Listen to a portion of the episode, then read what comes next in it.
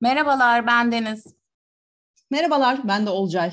True Crime Meçhule Giden Gemi Podcast serimizin 30. bölümüne hoş geldiniz. Ne diyorsun Deniz? 30 bölüm dile kolay. Yalnız 30 bölüm artı iki tane de özel bölüm olduğu için aslında 32 bölümümüz olduğunu da vurgulamak isterim. bana şimdi laf mı çakıyorsun? Daha dakika bir gol bir laf mı çakılıyor bana? Gergin bir bölüm olacak. Bakalım bu gemi e, kendiliğinden kaza olarak mı battı yoksa batırıldı mı? Bugün bunu da detaylı tartışacağız değil mi Olcaycığım? Evet yine kapışacak mıyız? Bilmiyorum aslında sanırım aynı fikirdeyiz. Hadi başlayalım bakalım. ya bir, bir bölümde kapışalım ya güzeldi o bölüm.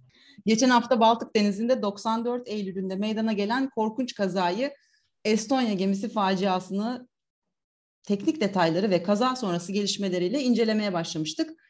Şimdi kaldığımız yerden devam edeceğiz ve açığa çıkan komplo teorilerini tartışacağız. Böylece Estonya gemisinin neden ve nasıl battığını anlamaya çalışacağız. Şimdi e, kısaca kazayı ve yaşananları şöyle bir hatırlayalım diyorum. E, 27 Eylül 94'te saat 7.15'te Tallinn'den yola çıkan Estonya gemisinin ertesi gün yani 28 Eylül saat 9.30'da Stockholm'de olması bekleniyordu. Ancak gece yarısı Baltık Denizi'nde Mayday çağrıları yükseldi ve Estonya hızla alabora, alabora oldu. Gemideki 989 kişiden sadece 137'si kurtulabildi. Baltık Denizi 852 kişiye mezar oldu. Kaza sonrasında İsveç hükümeti şaşırtıcı bir şekilde enkazın üstüne 10 bin tona yakın taş dökme kararı aldı ve burayı kabristan ilan etti. Oysa kurban yakınlarının tek isteği kaybettikleri sevdiklerinin bedenlerine ulaşıp onlara veda edebilmekti bölgeye dalış yapılmasını yasaklayan anlaşma İskandinav ülkeleri ve İngiltere tarafından imzalandı. Sinsi İngiltere'nin ne işler çevirdiğini anlamak için sözü sana yani Deniz'e bırakıyorum. Evet, geçen bölüm bir rapordan bahsetmiştik. Ben rapordan devam etmek istiyorum. E, bu arada geminin battığı yer Finlandiya'daki Uto adasına çok yakın. 20 mil, yaklaşık 32 kilometre yakınlarda. Onu da belirtmek istedim gözünüzde canlansın diye. E, çıkan rapora göre içeriye e, su doldu. Baş vizörün, baş vizörün kopmasından dolayı içeriye su girdi, gemi battı. Ama Fizik yasalarına göre böyle bir şey olsa dahi gemi ters dönmeliydi. Gemi hızlıca yan yatarsa batmamasını sağlayan hava boşluğu oluşur ve bu sayede uzun bir süre daha yüzebilir. Çünkü aslında gemiler ters döndüğünde de yüzebilirmiş. Daha önce de bir gemide böyle bir şey olmuş. E, rapora karşı çıkan uzmanlar olduğu gibi kurtulan kişiler de bu rapora karşı çıkıyor. Hatta kurtulanlardan tam 34 kişi birleşiyorlar ve bir e, dilekçe imzalıyorlar. Kendileri kendi zaman e, çizelgelerini oluşturuyorlar. E, yan yatmanın daha erken başladığını söylüyorlar. E, hatta ilk bölüm bahsetmiştik saat 12 gibi şimşek duyan bir kişi vardı. Onun da bir bir çarpma sesi olduğunu iddia ediyorlar. Yani bu rapordaki her şey yanlış diyorlar bir dilekçe imzalıyorlar tekrardan komisyon e, bunu araştırsın diye. Ama bu dilekçeye İsveç hükümeti yanıt bile vermiyor. Ee, bundan sonra bir gazeteciden bahsedeceğim. Stephen Davis diye bir gazeteci var, Yeni Zelandalı. Örtbas olaylarını araştırıyor. Ve demin Olcay söyledi ya bu anlaşmayı buraya e, dalınmasını engelleyen bir anlaşma var. Bunu Baltık ülkeleri dışında İngiltere de imzalıyor ve Stephen Davis de İngiltere ne alaka diyerek aslında bu olayı araştırmaya başlıyor. Yani İngilizler neden e, alakasız bir geminin batığının çıkarılmasını engeller? Onları ilgilendiren şey ne diyor? E, hatta MI6'ten bir ajan Stephen'a bir belge veriyor ve diyor ki biraz daha derinden bak diyor. Burada başka bir şeyler var. Burada bir kaçakçılıkla ilgili bir şey var. Sen biraz daha araştır diyor ve ona verdiği belgede Rusya'nın balistik füze programı hakkında hayati öneme sahip belgeler var. Bu noktaya nasıl geldik? Çok kısa birazcık tarihe dönelim. Sovyetler Birliği dağıldı. Sovyetler Birliği'nin dağılmasından sonra Batı toplumuna ilk e, uyum sağlayan, ilk adım atan devletlerden biri Estonya. Estonya özgürlüklerini kazanıyor ve endişeliler bu özgürlükler daha ne kadar sürecek diye. Ve e, Rusya korkusundan dolayı Batı'dan yardım istiyorlar. İsveç ve MI6 örgütü de onlara yardım ediyor ve hızlıca bir istihbarat örgütü kuruyorlar. E, ve Bir noktada da Sovyetlerden kalan silahlar, askeri teçhizatlar Estonya ülkesinden gemilerle İsveç'e gitmeye çalışıyor. Tabii ki İsveç'te e, sadece Estonya halkının özgürlüğünü düşündüğü için onlara yardımcı olmuyor. Herkesin bir çıkarı var ve bu e, kaçak mallar aslında bu gemiyle e, Batı ülkelerine gidiyor. Bu nasıl oluyor? Bir tane gümrük memuruyla görüşülüyor hatta belge, belgeseli lütfen dinleyin orada bütün detaylar var. E, kontrol edilmeyen bazı araçlar gemilere biniyor. Önden haber veriyorlar gümrük memurlarına bu arabaya bakmayacaksın gideceksin diye ve e, arabalar ilerliyor. Hatta bu olaydan 10 sene sonra bu iddialar da artınca MI6 ajanının da söyledikleri ortaya çıktıktan sonra tekrardan bir komisyon kuruluyor. Ve bu komisyonun e, fark ettiği şeye göre 14 Eylül'de ve 20 Eylül'de 94 yılında yani bizim gemimiz batmadan bir hafta ve iki hafta önce gerçekten Rusya'dan e, e, dağılmış Rusya'dan Sovyetlerden İsveç'e bazı mallar taşınmış. Bu mallar ama şey patlayıcı falan değil ya da askeri mühimmat değil, elektronik aletler olduğu söyleniyor. Bu devlet sırrı olduğu için tabii ki içeriği sadece Savunma Bakanlığı'na söyleniyor. Ee, burada ilginç olan bir şey var. İsveç'te e, hiçbir kanıt yok edilmiyormuş hiçbir davada. Ama bu konuya dair bütün belgeler yok edilmiş. Yani o e, şey belgelerin içinde ne olduğunu sadece Savunma Bakanlığı biliyor. Ee, şöyle bu kaçakçılıkla ilgili MI6'e Sovyetlerden iki tane uyarı gitmiş daha önce. Gemi batmadan iki hafta önce. Ne yaptığınızı biliyoruz. Bunu yapmayın yoksa e, ne olacağını görürsünüz şeklinde uyarılar gitmiş. E, iki şahitten bahsetmek istiyorum. Şimdi bu olaydan iki hafta önce ve bir hafta önce bu taşıma işlemleri gerçekleşti ya e, bu şey komisyon oluşturuldu. Komisyon diyor ki tamam bu daha önce yapıldı ama o gün bunu yapıldığına dair bir şey yok. Öyle bir şey yapılmadı diyor. Fakat geminin battığı gün, e, geminin battığı günden bir gün önce daha doğrusu sefer günü gemide iki kişi askeri teşhizatın gemiye yüklenildiğini görmüş. Hatta bir tanesi bir Türk. Şöyle Gemimiz 15 dakika rötar yapıyor hatırlarsınız ilk bölümden. Geminin kalkmadığını gören bir kadın dışarı çıkıyor işte e, annesine son defa selam verecek, el sallayacak falan. Dışarı bakıyor ve niye rötar yaptıklarını fark ediyor. Çünkü 2-3 tane kamyon var ve askeri kamyon. Hatta o sırada şey düşünüyor ya bunlar askeri gemilerle taşımıyorlar mıydı burada ne işi var diye düşündüğünü hatırlıyor. Ee, bir de Kadir Kaymaz diye biri var. Kadir Kaymaz bir Türk. Bu gemiden kurtulan biri. Bir şekilde bizi dinlerse de e, kendisine sevgilerimizi iletiyoruz. Çok geç de olsa geçmiş olsun demek istiyoruz. Kadir Kaymaz bu gemiye binen son yolcu. O da askeri e, araçları görüyor ve bunların bir Sovyet silahı olduğunu söylüyor. Kurtulduktan sonra İsveç'teyken de kaldığı otelde tehdit telefonu alıyor ve ona Estonya'ya asla dönme diyorlar. O da bir daha Estonya'ya dönmüyor. Türkiye'de bir köyde yaşıyor. Zaten belgeselde de görüş veriyor. Bu yüzden bu bilgilere sahibiz. Yani aslında tekrardan başa dönmek istiyorum buradan. Bu olay sadece baş vizörün kopması ile ilgili olmamalı. Çünkü Titanic'i biliyorsunuz ya Titanic ne kadar yavaş battı. Yani bu geminin tamamen batması ise bir saati buldu. Değil mi Olcay? Ya evet. Buradan bakılınca 90'lar vahşi batıya benzemiyor mu ya her yer için? Güya herkes aşırı medeni ama herkes el altından bir şeyler kaçırıyor. Evet evet sonradan ortaya çıkıyor. Aa, evet evet biz e, şey yapıyorduk bunları şey taşıyorduk. Bilmiyor muydunuz yapıyorduk falan şeklinde. Devlet sırrı ya sonuçta. Hmm, kusura bakmayın açıklayamayacağız şimdi. Evet bir de sürekli bir komisyon kurulması da bana ilginç geliyor yani hadi bunu araştıralım ve komisyon kuralım. Yani sadece bir şey yapıyor olmak için. Sanırım e, Orta Doğu ülkeleriyle Avrupa ülkeleri arasındaki demokrasi anlamında tek farkı komisyonlar. komisyon kurduk ama biz komisyon kurduk, inceledik sonuçta. Enteresan evet. Güzel bir e, tespitti bu da. Şimdi buradan şeye geçelim. E, belgeselin sonunda e, bir sürü şey açığa çıkıyor. Fakat ona geçmeden önce ben ufak bir e, hatırlatma yapmak adına tekrar söylüyorum. En son işte geçen bölümde şeyden bahsetmiştik. Bir Alman gazeteciden bahsetmiştik. Spiegel TV'de çalışan bir araştırmacı gazeteci. Aslında bu e, belgeselin de e, çıkardığı bulguların e, bulgulara bir önayak olmuş gibi geldi bana. Çünkü e, işte Spiegel TV'deki e, şey araştırmacı gazeteci şunu buluyor. E, bir kere e, te, iki tane teknisyenle konuşuyorlar orada Ve bu iki teknisyen işte zar zor e, şeyden çıkmış, gemiden çıkmış insanlar.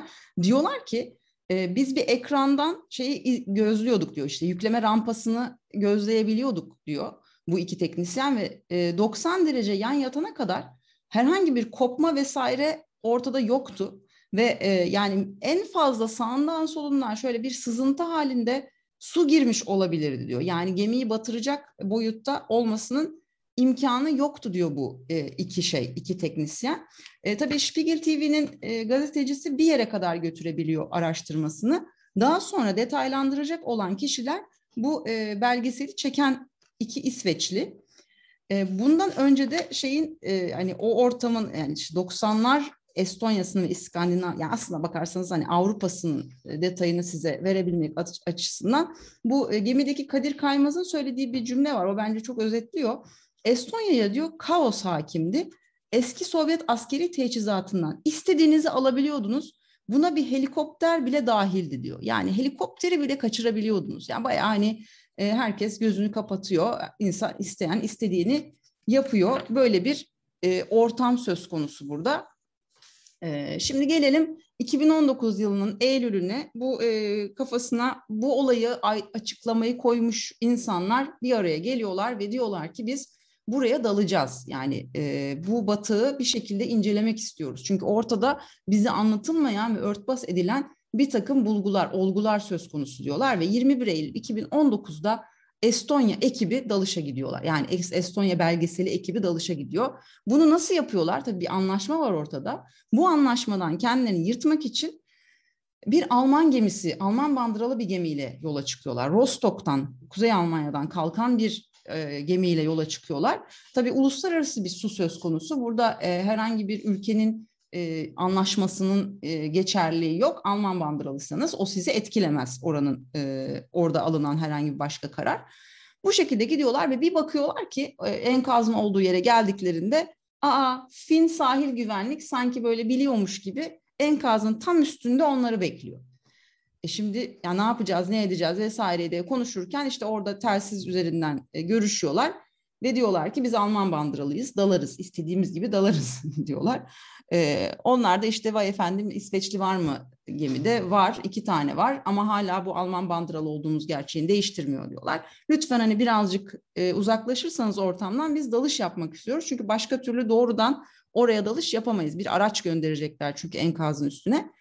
Fin sahil güvenliği de e, bir yarım mil uzaklaşıyor olduğu yerden ve bunun üzerine e, ekip belgesel ekibi uzaktan kumandalı bir araç bırakıyorlar suya. Ve e, ilk tespitleri şu yönde 1994'te ilk battığı gün 120 derece şekilde yatan gemi 2019'da 137 dereceye yatağa ulaşmış. Bu da ne demek? Denizin zemini yumuşak kil kaplı. Bu niye önemli? Çünkü e, daha sonra hani bunun üzerine yapılan konuşmalarda acaba e, gemiye bir kaya mı çarptı? Yani gemiye gidip kayaya mı çarptı, kayaya mı oturdu? Bu mu hani zarar verdi gemi vesaire gibi tartışmalar söz konusuydu. Hayır, e, Baltık Denizi'nin içerisi bölgedeki şey yapı kil üzerinde, kil kaplı yani orası ve gayet yumuşak bir zemin. E, hatta işte oynak da bir zemin yani e, yatığı daha fazla yatıracak kadar oynak bir zemin. Böylece bu e, araç, kuma, uzaktan kumandalı araç sancağın sancak uçtur yani bütün hani şey geminin etrafını bakıyor ve sancak usturmaçasını kontrol ederken işte hepimizin merakla beklediği acaba mı dediği o şeyi buluyor. Kocaman bir yarık tespit ediyor bu araç, kumandalı araç. Bu yarık ne kadar büyüklükte bir yarık? Uzunluğu 4 metre, derinliği ise 1 virgül yaklaşık 1,2 metreyi bulan kocaman bir yarık buluyorlar. Tabii bütün ekip aşırı heyecanlanıyor. Ya yani ben de seyrederken hadi ya ne olmuş ne olmuş olabilir falan diye heyecanlanmıştım. Ya görüldüğü üzere usturmaça ezilmiş. E, hatta içer ya öyle bak net bir şekilde görülüyor ki içerisi. Ya bir havlu gözüküyor. Acaba hani sauna ya da havuz bölgesinden mi diyorlar bu şey delikten sonra işte onu böyle araştırıyorlar, ediyorlar. Ve e, şey buradaki deliğin nasıl oluşmuş olabileceğine dair bir araştırma yapmaya başlıyorlar. Ve e, diyorlar ki tabii ki evet bir kuvvet uygulanmış. Tamam ama bu kuvveti yaratan şey nedir? Bir patlama mı yoksa herhangi başka bir şey mi? Tabii ki hemen uzmanlara danışıyorlar. Norveç donanmasından bir Norveç donanması mensubuyla görüşüyorlar bununla ilgili. Patlama üzerine uzmanlaşmış bir kişi kendisi. Dalış ve deniz mayını üzerine uzmanlaşmış daha doğrusu. E şimdi bu adam diyor ki patlama ihtimali düşük. Çünkü patlama olsaydı e, bir kere e, metal yani geminin metali çok daha fazla zarar görmüş olurdu ve hatta o metal içeri ya da işte yani patlama ne taraftan gerçekleştiyse içeri ya da dışarı bükülmüş olurdu diyor. Evet bu çok mantıklı geliyor zaten hepimize. Daha sonra başka biriyle, başka bir uzmanla görüşüyorlar ve e, gemiye uygulanan kuvvetin, geminin aldığı darbenin 5-6 tonluk bir kuvvet olduğu ortaya çıkıyor. Ve bunu nasıl türden bir gemi yapmış olabilir diye bir e, araştırma yaptıklarında e, şimdi şöyle şeyler çıkıyor ortaya. 4 deniz mili hızındaki 1000 tonluk bir geminin yandan çarpması buna söz buna yol açmış olabilir diyor. Bu da işte büyük bir balıkçı teknesi olabilir diyorlar. Ya da 1.9 deniz milindeki 5 tonluk kocaman büyük bir gemi çarpmış olabilir diyor. Ama tabii yani görgü tanıklarına yani oradan kurtulan herhangi bir insanın söylediği böyle bir şey yok ortada yani kocaman bir gemi yok. E, sonuçta yani herkes de uyuyor ya da herkes baygın vesaire değil. Fakat e, kurtulanlardan birinin söylediği çok enteresan bir şey var. Zaten burada bayağı şoka giriyor o uzmanda. Diyor ki e, ilk kurtulanlardan biri şey kabinden kendini hemen yukarı atmış güverteye ve şey diye anlatıyor zaten. Ben güverteye çıktım da etrafta kimse yoktu benden başka diye anlatıyor. O diyor ki ben e, denizde zaten hani böyle şey bir o hani duyulan seslerden yaptığı benzetme şu sanki böyle bir e, bir buzdağı gemiye çarpmış da onun gıcırtısı gibi bir şey duydum diyor. E, şöyle bir şey gördüm diyor orada. Böyle beyaz bir görüntü vardı. Denizin içindeydi ve dalgalardan etkilenmiyordu bu görüntü ve daha sonra ortadan kayboldu diyor. Bunun üzerine e, hem belgesel ekibi hem de bu uzman diyorlar ki acaba bu bir denizaltı olabilir miydi? Sonra e, baş vizörü tartışıyorlar. Acaba diyorlar baş vizör kopup çarpmış olabilir mi bu bölgeye? Hayır, e, çarpmış olsa bile böyle bir etki yaratmaz. Çünkü baş vizör 55 tonluk bir şey. Biz nelerden bahsediyoruz? 5 tonluk bir gemi ya da e, 1000 tonluk bir gemiden bahsediyoruz. Mümkünatı yok böyle bir şeyin olmasının. E, bu bulguları toplayan belgesel ekibi e, gidip e, işte hem kazadan sağ kalanlarla hem de işte bu 34 kişilik ekip vardı ya Deniz'in söylediği o insanlarla konuşuyorlar ve bunları anlatıyorlar. Tabii şoka giriyor. Yani insanlar korkunç şeyler yaşamışlar ve kandırılmışlar ya. Yani orada böyle insanların yaşadığı o kandırılmışlık hissini görebiliyorsunuz o belgeselde. Ee, şey yani çok çok üzgün bir şekilde hani tabii ki hemen yeni bir araştırma talep ediyorlar. Hatta bunu e, bu, bu, bu yineleniyor aslında bu talepleri. Çünkü 28 Eylül 2019'da İsveç'te bir anma töreni yapılıyor. Çok şatafatlı yani çok şatafatlı derken görsel olarak değil yani içerik olarak çok şatafatlı bir anma töreni. Çünkü işte oraya kurtulanlar geliyor, kayıp yakınları geliyor. Ee, yani insanlar yaşadıklarını anlatıyorlar işte gözyaşlarına engel olamıyor çoğu insan vesaire. Diyorlar ki ya lütfen hani bağımsız ve yeni bir araştırma e, kurulu kurun olayı tekrar araştıralım. Lütfen hani biz e, yakınlarımıza kavuşmak istiyoruz ya da hani ne olduğunu, orada neler olup bittiğini öğrenmek istiyoruz diyorlar. Tamam böyle hani çok duygusal anlar yaşanıyor diyorlar. Diyoruz ki hatta ben izlerken şey dedim, Aa, tamam bunun sonucunda evet hani en azından ya göstermelik bile olsa bir araştırma yapılır. En azından oraya bir gemi gönderilir falan diye düşünürken Adalet Bakanlığı, İsveç Adalet Bakanlığı aynı akşam buna karşı olduğunu açıklıyor. Yani bu, bu korkunç bir şey. Böyle bayağı insanlarla dalga geçmişler orada yani. Gelin hani siz konuşun. Ee, ama hani biz umurumuzda bile değil. Çok kötü değil miydi Deniz orası ya? Ya beni en rahatsız eden şey ne biliyor musun? Bu insanlar gerçekten korkunç bir şey yaşamış. Yani muhtemelen hiçbirimizin ömrü boyunca yaşamayacağı bir şey. Ve e, şeyi de Hı-hı. eklemek istiyorum. Estonya nüfusu çok fazla değil. O zamanlar daha da az. Estonya'daki herkes bu kazada tanıdığı birini kaybetmiş. Ama ilkokuldaki öğretmeni ama ailesinden biri.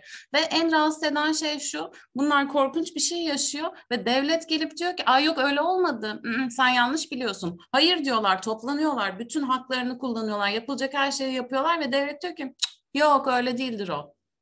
Ya bayağı salak yerine koymak insanları ya. Ya bir de yani insanlar ölmüş ya orada. Ya işte o yüzden hani ilk geçen bölüm şey dedim ya böyle bayağı kendimi yani iplerin birinin ellerinde ve işte o benim ölmemi isterse ölür, ölürüm ya da işte yaşamamı istiyorsa bir şekilde yaşarım. Ya kukla gibi yani vatanda yani her milletin vatandaşı aslında sanki birer kukla gibi birilerinin ellerinde işte onların istediği oyunu oynuyor. Her neyse e, bu bu iş böyle şey oluyor yani 2020'de e, şey e, bu belgeselin sonucunda böyle, bu tip bulgular elde edildikten sonra neler oluyor? Peki yani nereye varıyoruz? E, İsveç hükümeti bir kere yeni bulguları araştırmayı reddediyor hemen. E, bu gazeteci iki tane ikisi şeydi ya İsveçliydi ya onlar hakkında suç duyurusunda bulunuluyor. İşte iki sene hapisleri isteniyor. Henüz bir gelişme yok o konuda. E, hani en en yeni gelişme olarak şöyle bir şey var. İsveç ve, ve Estonya e, yeni bir denetleme kararı çıkarıyorlar ve güya 2022 baharında bu şeyi denetlemenin sonlanacağı söyleniyor. Ama hani ben çok umutsuzum. Bu da sanki böyle bir parmak bal çalmak için uydurulmuş bir maval gibi geliyor bana. Ee, sen ne diyorsun? Bir şey çıkar mı 2022 baharında? Ya hiç sanmıyorum ama belki şey olabilir bu belgeselde oldukça yayıldı ve bu Alman gemi gibi belki başka gemiler biz de buraya dalmaya gidiyoruz diyebilir ama onun da muhtemelen bir önlemini alırlar diye düşünüyorum. Merak ettiğim bir şey var bu e, gemi seferi yapılmaya devam ediyor tabii ki yani bu şey yol kullanılıyor. Acaba güzergah mı değiştirdiler insanlar oradan geçmesinler diye nasıl bir şey yaptılar onu çok merak ediyorum aslında. Bir de sana bir sorum var. Bu gemiye biner miydin şu an günümüzde? Binerdim. Binerdim. Evet. Meraklı da gidip kaptanı oradan geçecek miyiz acaba? Bakabilir miyim? Dalabilir miyiz falan diye darlardım muhtemelen. Kesinlikle. Ama bence kesin o sahil güvenliği falan görmeyeceğimiz bir rota çizmişlerdir onlar kendine. Var ben mı Estonya'ya e, şey o rotadan geçen bilen eden varsa lütfen bir şey yapın bizi ya. Aydınlatın bizi. Evet, Merak ediyoruz olur. çok. Bir de bir eklemem olacak. E, bu kaza sadece teknik olarak değil, ayrıca psikolojik olarak da inceleniyor. Şöyle, facianın sebeplerini araştıran insan davranışı psikoloji uzman psikolojisi uzmanları kazada ölenlerin neden kurtulamadıklarını araştırıyor. E, ve şeyi fark ediyorlar. Su miktarının artmasıyla birlikte aslında o sırada tahliye işlemi başlıyor. Ancak bine yakın yolcudan sadece 137'si feribotu terk ediyor. Yani tamam bazıları anında vefat ediyor falan. Ama geriye kalan yolcular da kaptanın panik yapmayın dünyanın en güçlü feribotundasınız sözlerine kanarak su boşaltma işlerini izlemeye devam etmişler ve sular gittikçe yükselmiş işte gemi ağır ağır batmasına rağmen yolcular gemiyi terk etmemiş. Bu da e, psikolojik kitaplarına Estonya feribotu sendromu olarak geçmiş ama biz bunu e, İngilizce araştırdık, Almanca araştırdık, Fransızca araştırdık. Bitmedi Fransızca araştırdık.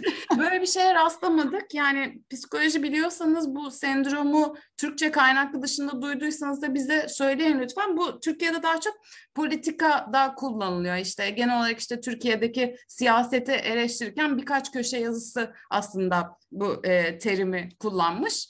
Ee, ama yani bilmiyorum globalde ne kadar yaygın bir terimdir. Vallahi bilmiyorum. Üç dilde bulamadıysak herhalde başka bir dilde yoktur ama ya yani evet. herhalde bir bildikleri vardır ama bir kere ağır ağır batmadığını hepimiz çok iyi biliyoruz artık bence.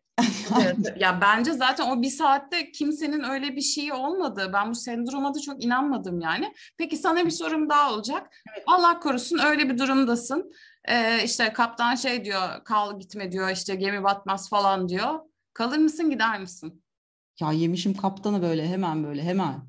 Topuklarımı popoma vura vura kaçarım oradan. Hem de nasıl? Hem de nasıl? Ya şöyle söyleyeyim. Yazın şey e, eşimle tatildeydik. Böyle bir şey minik bir feribottayız. E, dışarıdan şey geliyor. Küçük işte e, biz küçük bir feribottayız. Bir tane korsan feribotu geliyor. Yani bu korsan turistik şeyler var ya. Bize çarpmak üzere. İlk kalkan biz olduk. İlk kalkıp kaçan biz olduk. Kimse de kalkmadı. Sonra kavga çıktı bu arada. Sen ne yaparsın? Direkt kalkarım. Direkt kalkarım. Yani şöyle söyleyeyim. E, gece yatılı bir teknedeysem zaten yani bu olaydan sonra muhtemelen iyi bir yüzücü olduğumu düşünüyorum ama e, yüzmekle alakalı bir durumun olmadığını düşünüyorum. 10 metrelik dalgalardan bahsediyor. Nereye yüzeceksin? Ben gece hayatımda yüzmedim. Gece kaçınız nereye kadar yüzdünüz? Yani yüzmekle alakalı bir durum yok bence.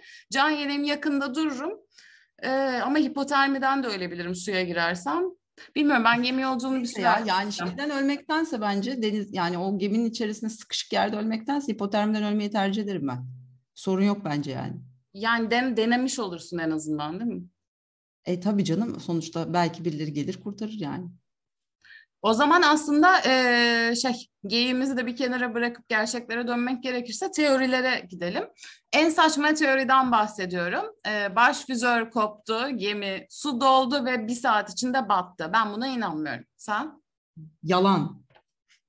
Yalan diye böyle net bir şekilde söylüyorum. Yalan bayağı kandırmışlar insanları. Bir de çok net değil mi ya? Ruslar iki kez tehdit etmiş. MI6'den bahsediyoruz. Şey değil bu yani. Yeşilay değil. Tabii canım bir de böyle İngiltere'nin hiç sesinin çıkmamasına ne diyorsun peki bu şeyde? Ya neyse hadi başımıza iş almayalım da gerçekten çok enteresanlar. Ee, ben kendi fikrimi söyleyeyim. Bence ben denizaltı teorisine inanıyorum. Denizaltı teorisi değilse de e, yani bir denizaltı dışarıdan gelip gemiyi patlatmış olabilir. Ya da e, gemide gerçekten askeri mühimmat vardı e, ve o hata sonucu patladı ya da gemideki biri bunu bilerek patlattı diyorum. Hatta ben denizaltı fikrimden vazgeçtim. Ben patlama diyorum. Ya ben patlama demiyorum çünkü hakikaten o şey yarıktaki olay beni etkiliyor. Yani patlama olsa başka türlü bir görüntü olurdu diye düşünüyorum ama e, yani Ruslar şeyle bir denizaltıyla bence gözdağı verdi diye düşünüyorum. Yani amaç oradan hani oradaki kargoyu geri almak değildi de denizaltıyla geldiler. Yani arkadaş biz sizi uyarmıştık, siz dinlemediniz. O iş öyle olmaz, böyle olur diyerek e, artık hani oraya nasıl bir darbeyle vurdular orasını bilemiyorum ama e, bir şekilde göz yani sonuçta 852 kişinin ölümüne yol açarak e, bence çok da e, iddialı bir gözdağı vermiş oldular yani. Acaba peki bu şey devam etti mi? Sovyetlerdeki işte mühimmatı Estonya üzerinden kaçırma olayı bu kazadan sonra devam etti mi? Keşke bu bilgiye ulaşabilsek. Asla ulaşamayız. Asla ulaşamayız ama bir süre durmuştur. Peki bir şey Ne- daha soracağım. Ben şimdi bir şekilde Türk gemisiyle beraber buraya gidip dalabilir miyim? Dalarız istiyorsan. Ama ben biliyorsun dalmaya karşıyım. Ben hayatımda hiç dalmadım.